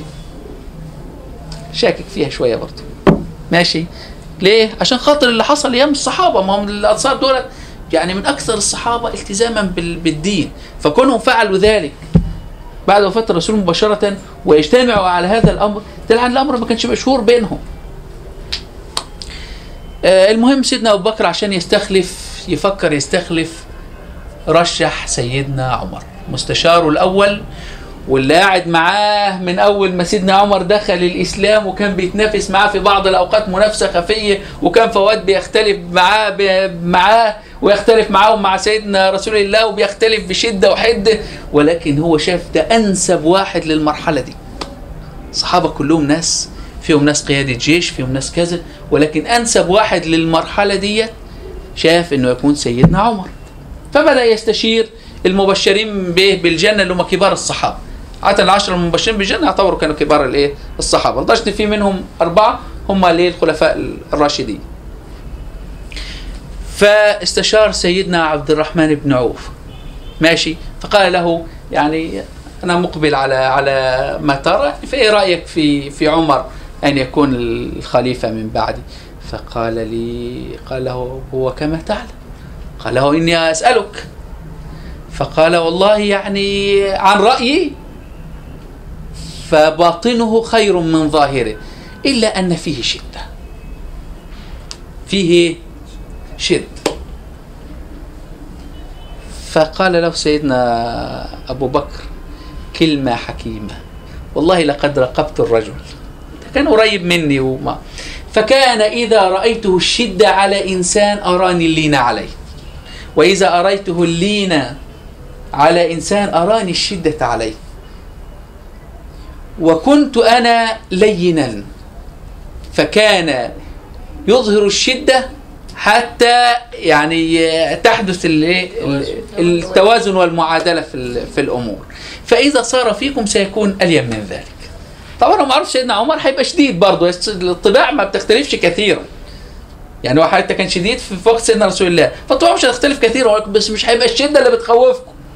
لما هيتولى هيبقى يعني أرأف شوية ماشي؟ استشار أيضا سيدنا عثمان بن عفان في في الموضوع. فسيدنا عثمان بن عفان قال فيه فيه خيرا. استشار وبعدين بعد كده بعد استشارة بعض الصحابة أتى بال ب... يعني خرج إلى الناس وقال أيها الناس والله إني قد اجتهدت لكم ولم آل فكرا وقد آه، يعني أجهدت نفسي واخترت إنسانا ليس لي فيه قرابة. دي من قبيلة ودي من قبيلة سيدنا أبو بكر من آه، من بني تيم وسيدنا آه، عمر من بني عدي. والقبائل كان بيبقى بينها منافسات من أيام الجاهلية يعني. فليس لي فيه قرابة وليس لي فيه آه، مأرب أنا كنت كاتب ال- ال- المقولة اللي هو قالها عشان خاطر ماشي. آه، وإني قد استخلفت عمر. آه، ثم كتب لعمر بالخلافة وأعلنها قبل موته قال فإني والله حاولت آه، لم آل جهدا في الرأي آه، ولا وليت ذا قرابة. وإني قد استخلفت عمر فاسمعوا له وأطيعوا قالوا سمعنا وأطعنا. بعد ما يقرر القرار يأتيه سيدنا طلحة ابن عبيد الله وده من أحد العشرة المبشرين بالجنة. ويأتي لسيدنا أبو بكر ويقول له استخلفت عمر؟ ماذا تقول لربك غدا؟ معين علينا مين؟ فقال له أتخوفني في الله؟ والله لئن سألني الله عن فيقول له ماذا تقول ربك إن سألته إن سألك ماذا استخلفتني في في أهلي؟ فقل استخلفت في أهلك خير أهلك. تركت خليفة في أهلك خير أهلك. ويبدأ سيدنا عمر يتولى الإيه؟ يتولى الخلافة ويكمل الطريق. سيدنا أبو بكر عشان خاطر نطوي الصفحة العظيمة صفحة سيدنا أبو بكر ماشي آه، المرة دي والمرة الجاية إن شاء الله نكمل مع سيدنا عمر. كان له مقولات حكيمة كثيرة. منها يعني أنا كتبت لكم بعض ال- الأشياء. هو القائل احرص على الموت احرص على الموت توهب لك الحياة. وهو القائل إذا فاتك خير فأدرك. يعني الخير لما بيفوت ما مش لازم يفوت كله يعني. انت حاول انك انت إيه تدركه أو تدرك خير آخر يعني. آه قال اصلح نفسك نفسك يصلح لك الناس. اصلح نفسك يصلح لك الناس. ودي طبعا نقولها لكل إنسان يتولى أي إدارة. نقولها لأي اللي قبلها نقولها لأي إنسان في الحياة. إذا فاتك خير فادرك حاول إنك تدركه رغم إنه فاتك. ادرك أي أي خير فالخير كله قريب إلى إلى بعضه يعني. آه هو القائل إن عليك من الله عيونا تراك. ما يلفظ من قول إلا لديه رقيب عتيد وإحنا عارفين إن ربنا أقرب إلينا من حبل الوريد وإن هو مطلع علينا في كل شيء ولكن هو القائل يعني دي تسير يعني مع النموذج الإسلامي ال- العام يعني إن عليك من الله عيونا تراك وده بنقولها لكل الناس وبالذات الناس حاليا في كل مكان وفي كل وقت في العمل في البيت في ال- ال- النت في أي مكان إن عليك عيونا من الله تراك. آه، قال إن كثير الكلام ينسي بعضه بعضه وبالتالي أنا لما بقعد أديكم محاضرة ساعتين ربما في وقتها في البداية كده فاكرين حاجة بس بعد ما تروحوا تلاقوا الكلام إيه؟ ودي طبيعة الدنيا يعني طبيعة الإنسان. ولكن زي ما قلت لكم إن ال- الهدف بالنسبة لي على الأقل يعني مش المعلومات في حد ذاتها أكثر من إن الهدف فكري. أنا هدف إن نطلع من الدورة ديت في, في الآخر بإنكم نظرتكم للأمور تبدأ تختلف. وأتوقع إن أنا ربما نجحت في بعض الشيء حتى الآن. ولا ما ولا لسه؟ آه. إن الواحد هيبدأ آه، نظرته لل- للأحداث وال- والأمور تبدأ تختلف. مش كل شيء شهر حقيقة. والأمور ما كانتش بتمشي باعتباطا كده لا كانت بتمشي بأطر عقلية مقبولة. العرب دولت ما كانوش جايين بال تقسيم الفأسي كما فعل الغرب فينا في بعد الاحتلال كده قسمونا فأسيا كده. وعملوا فينا اللي عملوه ده كله. ماشي؟ لا كانت كل شيء ماشية بالعقل وماشية بالحكمة وماشية بال... بالتوازن المقبول ما بين البشر. ماشي؟ قال صنائع المعروف تقي مصارع السوء. تعمل معروف ربنا هيقيك إيه مصارع السوء. يقول لا خير في خير بعده النار ولا شر في شر بعده الجنة. لا خير في خير بعده النار. كلمة خير هنا مطلق الخير الدنيوي في الغالب يعني وإلا مش هيبقى بعده النار لو كان خير أخروي. الخير الأخروي بعده الجنة. أما الخير الدنيوي زي مثلا إنسان عايش في نعيم منعم عنده عربية عنده عنده عنده عنده خير كتير. ماشي؟ إحنا حتى ما زلنا حتى الآن بن بنسميها كده يقول لك ده فلان ده عنده خير كتير. ماشي؟ ولكن لا خير في خير بعده النار. ولا شر في شر شر زي صعوبات الحياة زي المصائب اللي بيصبر عليها الإنسان زي كذا كذا. ولا شر في شر بعده الجنة. ويعني الحاجات ديت إحنا بنسمي الموت مصيبة وبنسمي يعني فهي كلمة شر هنا مش معناها الشر الأخروي وإنما الشر الايه الدنيوي سيدنا أبو بكر كان طويل الصمت كان كثير العبادة. مع تقدم صحبته ورفقته لسيدنا رسول الله أهل الحديث بيرووا له 24 حديث. 24 حديث بس اللي مرويه له في كتب الأحاديث. السر إيه؟ ها؟ إيه السر؟ كان من أهل العمل. كان من أهل العمل كويس تمام. راجل كان رئيس دولة. الناس المحدثين كانوا الشباب زي سيدنا أبو هريرة والشباب الصغير ده بيروحوا للناس ياخدوا عنهم.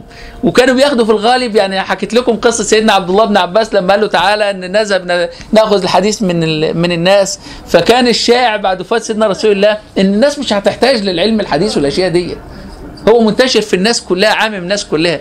بدأ علم الحديث يؤخذ بعد ذلك. أما في فترة السنتين ونص بعد وفاة سيدنا رسول الله كان لسه الأمر ده ما اتشهرش كثيرا علم الأحاديث. وسيدنا أبو بكر ده راجل حاكم دولة. راجل حاكم دولة. ماشي؟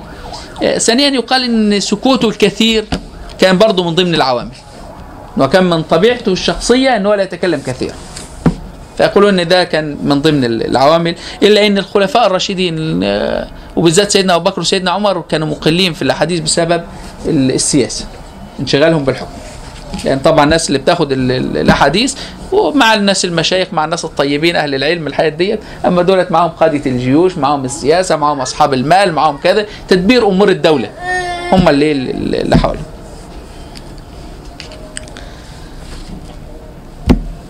إحنا كده خلصنا آه، أمر سيدنا أبو بكر.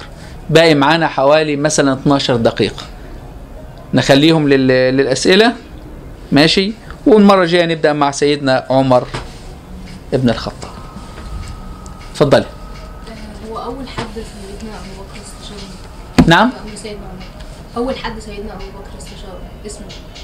أول حد سيدنا أبو بكر استشاره في أمر إن هو يستخلف سيدنا عمر. والله هو اللي أنا قرأته. أنا حتى كاتبهم آه، هنا بال- بالترتيب على حسب قراءتي. ولكن أنا ما كانش هدفي إحصاء الناس. لسبب في بعض الأوقات ال- الناس المحدثين واللي بيروا السير والتاريخ ما بيركزوش على ال- الكم اللي حصل فيه الاستشارة ولكن بيتكلموا على الكلمات المؤثرة. فممكن يكون استشار أول حاجة يكون استشار سيدنا عمر. صح ولا لا؟ أنا حوالي أنا أنا حوالي أمر المس... آه أنت عايزه القوله ال- ال- القوله بص يا ستي آه عندك آه سيدنا عبد الرحمن بن عوف قال هو خيرنا ولكنه فيه شدة. سيدنا عثمان بن عفان آه، قال يعني إن باطنه أفضل من ظاهره. سيدنا طلحة بن عبيد الله قال آه، ماذا تقول لربك غدا؟ هو ليه سيدنا طلحة كان معترض؟ سيدنا عمر كان شديد. لدرجة إن هو يعترض عليه؟ يعترض عليه؟ ده طبيعي إنه يعترض عليه. بس ده أمر حكم المسلمين. أنت عايزة إنسان يجمع. ماشي وده إنسان في شدة. ده إنسان معاه دره بيضرب بيها الناس وهيضرب اقرباء سيدنا أبو بكر حتى في وقت ال- الوفاه لما يرفضوا إن هم يبطلوا نوح عليه. فأنت رؤيتك للمجتمع في في الوقت ده لا شايفة إن دي ناس لسه داخلة إسلام جديد عايزة حد يحببهم في في الإسلام. شايفة إن في علاقات دولية ممكن تمشي بطريق السلم. شايفة أشياء كثيرة ومش سيدنا أبو بكر ذات نفسه سيدنا عمر كان بيختلفوا في المسألة ال- الواحدة. ده شايف الخير من ناحية كذا وده شايف الخير من ناحية كذا. سيدنا خالد بن الوليد نفسه سيدنا أبو بكر مبقيه لسبب وسيدنا عمر ماشي. وسيدنا عمر ال- السبب والاثنين هدفهم مصلحة المسلمين. وفي النهاية والشخص واحد سيدنا خالد ده عارفه وده عارفه فطبيعي إن أنا عايز أولي إنسان واحد تاني وجهة نظره لا ده ما ينفعش. واحد يقول ده لا ده ينفع. ولكن في حديث النبي صلى الله عليه وسلم بيقول إن لو كان نبيا بعد لكان عمر. حديث صحيح؟ آه، هو بيقول لو كان إن منكم إن ممن كان قبلكم محدثين. فإن كان فإن يكن في هذه الأمة محدث يكون عمر. ديت اللي أنا أعرفها. كنت سمعت حديث إنه ولكن آه، لكان عمر لا أنا ما ما أعرفهاش ولكن أبحثها أبحثها يعني آه، البحث لا يأتي إلا بخير. وعلى فكرة أي حاجة أنتوا بتسألوا فيها هنا يا سلام بتخلي المعلومة تثبت وتبقى تمام التمام. فنشوف الحديث ده يعني م- عموما هو لو هنا تفيد ال- الامتناع امتناع الامتناع. نبي أصلا فيعني هو طالما ما فيش فديت بت- بتخلي فيه بعض الايه الشيء الأشياء. لو كان. أستاذنا عندي ثلاثة أسئلة. اتفضل اسأل ما تريد أجاوبك على واحد ونص والتاني ابحثوه آه، في زيارة سيدنا أبو بكر لليهودي بس معلش الاستاذه. الأستاذة ما كملتش سؤالها الأول قبل ما نخلص. حضرتك سألتي عن الثلاثه كان هدفك تعرفي الاسم ولا هدفك عايز تسألي حاجة بقى؟ لا عن الجو... كل جملة يعني مثلا إيه- إلا أن فيه شدة. يعني كنت عايزه أعرف مين اللي قال كده يعني. آه آه. بس تمام، بس تمام. تمام. وهي دي أمر كان كان معروف عن سيدنا عمر. سيدنا عمر كان بقى بعد كده في أوصافه إن هو كان حاجة كده يعني بسم الله ما شاء الله آه، جسم قوي وبنيان كبير ولون أحمر حاجة بالنسبة لل- للعرب في الوقت ده مش مش معتادين الحاجات ال- ال- الهيبة الكبيرة دي. كان بيخوف حتى يدخل على الصحابيات في زمن سيدنا رسول الله وهم جالسين مع سيدنا رسول الله فيا دوب يسمعوا صوته من بره يدخلوا جري. كل واحد استخبى في حتة. وهم جالسين مع الرسول. مش لك مثلا مش جالسين مع سيدنا أبو بكر؟ ده جالسين مع الرسول يعني يعتبر أبو ال- المؤمنين أزواج أمهاتهم يبقى هو أبوهم. ماشي؟ فسيدنا عمر رسول الله يضحك ويستغرب يعني من من ال- الموضوع. وسيدنا عمر لما يدخل يعرف إن هو سيدنا أبو بكر سيدنا رسول الله بي بي بيضحك. إيه؟ بتضحك ليه؟ فقال له أنت قبل ما تيجي كان فينا صحابيات جالسين بنتحدث فيدوب سمعوا صوتك. هربوا فيعني فيقول يا عدوات أنفسكن يعني أنتوا تستحوا مني وما تستحوش من سيدنا رسول الله. يعني فردت عليه واحدة منهم على ما أتذكر الحديث يعني فقالت له يعني إن الرسول ده يعني إيه راجل هادي ده بتاعنا أما أنت يا عمر لا. فهو كانت شدة سيدنا عمر كانت آه، كانت مشهورة. طول تاريخه كده يعني شخصيته كده. إحنا حكينا عن سيدنا موسى قبل ذلك وقلنا إن سيدنا موسى كان فيه شدة. طبيعته كده الطبيعه البشرية كده. وبعد في الآخر في آخر المحاضرات هنشوف كان من الصحابة اللي تولوا الحكم ناس لينين جدا وناس شدة زي شدة سيدنا سيدنا عمر. ماشي؟ وشدة في الحق والغريب إن الشدة دي اللي كان في اوقات يعني يبقى سيدنا عمر يخالف معظم الصحابة ويخالف سيدنا رسول الله وسيدنا أبو بكر. وبينزل القرآن يأيد رأي سيدنا عمر في الشدة دي. اللي هي كانت تبقى مستغربة لدرجة سيدنا رسول الله في بعض ال ال الأوقات عاب عليه الشدة دي. يوم أسرى بدر قال له نقتلوه. كل واحد ياخد غريب ويقتله. فأسرى بدر. سيدنا أبو بكر قال له يعني ده هم مع كلهم إيه؟ أعمامنا وأخوالنا وأقربائنا. وإحنا دولة ناشئة ومحتاجة فلوس. يبقى اللي هيدفع الفدية يدفع ما يدفعش يعلم مجموعة من من الصبيان عندنا نستفيد منه باي بأي شيء. ماشي؟ سيدنا عمر قال له لا. ده إحنا دولة ناشئة ولازم يكون لنا اسم. ولازم الناس تعرف إن في دولة موجودة الآن. دولة لها هيبة دولة لها كرامة لها حدود لها كذا. اللي عايز يتعامل معانا لازم يعرف يتعامل معانا إزاي. هم خلاص اتغلبوا والقاعدة تنفذ عليهم القاعدة اللي بينفذها كل العرب. ال- ال- ال- المغلوب يا أسير يا يقتل. ماشي؟ ونقتلهم ناخدهم اسرع مفهوم ف وكل واحد فينا ما خلاص هم اقربائنا كل واحد يقتل قريبه.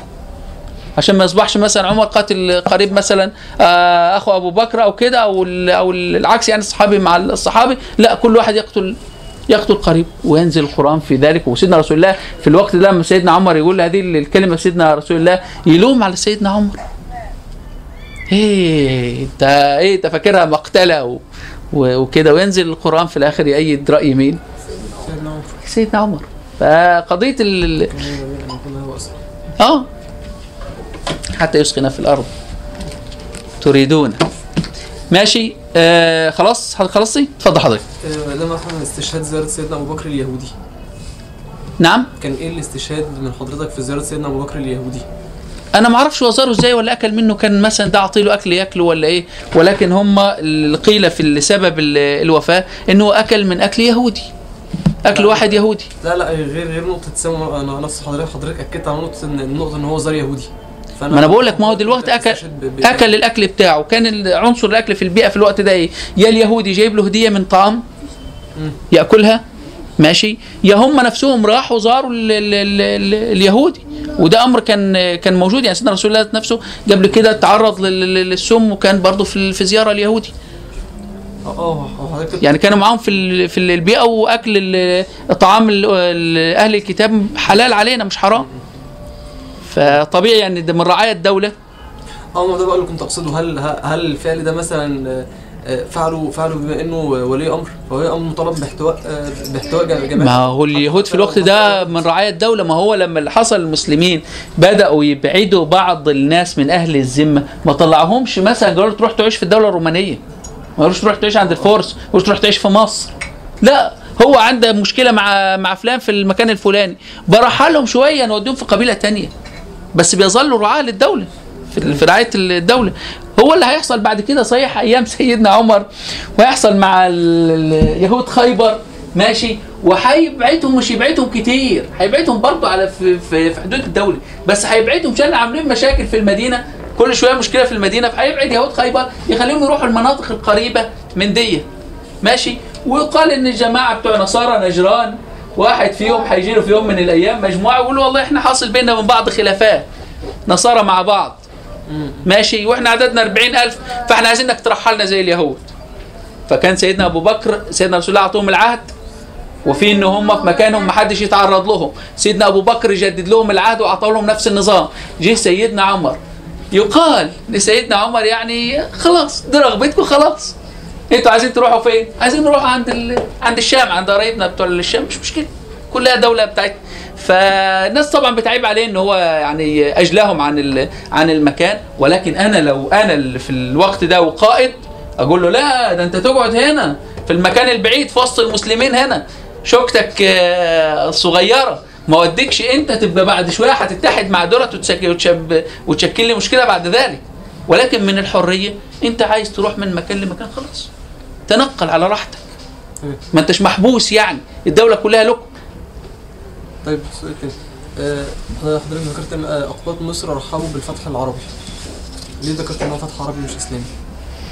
يعني هل هم هم أصلا كانوا بيرون الفتح فتح عربي؟ ما كانش منظورهم ليه عقد يعني؟ لا أنا بالنسبة لي بنستبدل بنستخدم مصطلحين مكان بعض ولا أقصد ذلك ولا أقصد ذلك.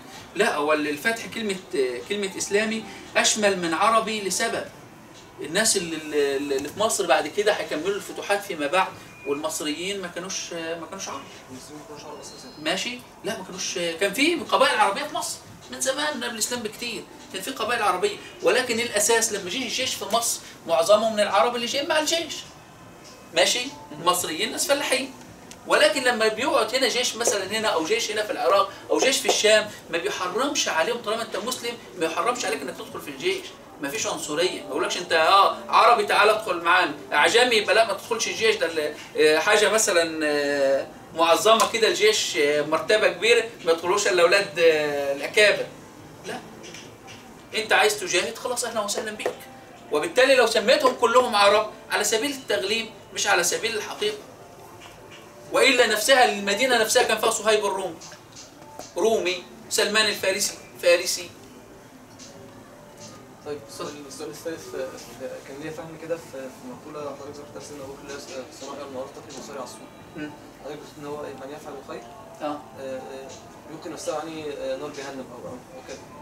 حضرتك ما ذكرت كده اللي هو عذاب الاخره يعني اللي هو يتصدق لا يعني كلمة مصارع السوق ممكن تكون أي شيء في في الدنيا كلمة مصرع اللي هو المقتل. نعم. ماشي؟ أنا بس الفهم الفهم المختلف يعني عايز أعرف بس أنا كنت فاهمها فهم مش عارف هو صح ولا لأ. هو غالبا مصارع ال- السوق في الدنيا مش في مش في آه، الآخرة. آه، ماشي، بس أنا كان ليا فهم بقى اتفضل. اللي أنا اللي أنا عايز اسال فيه مش ده صح ولا لأ. اتفضل. آه، انه إن هو مثلا مثلا مثلا صناعي المعروف مثلا أتصدق على فقير.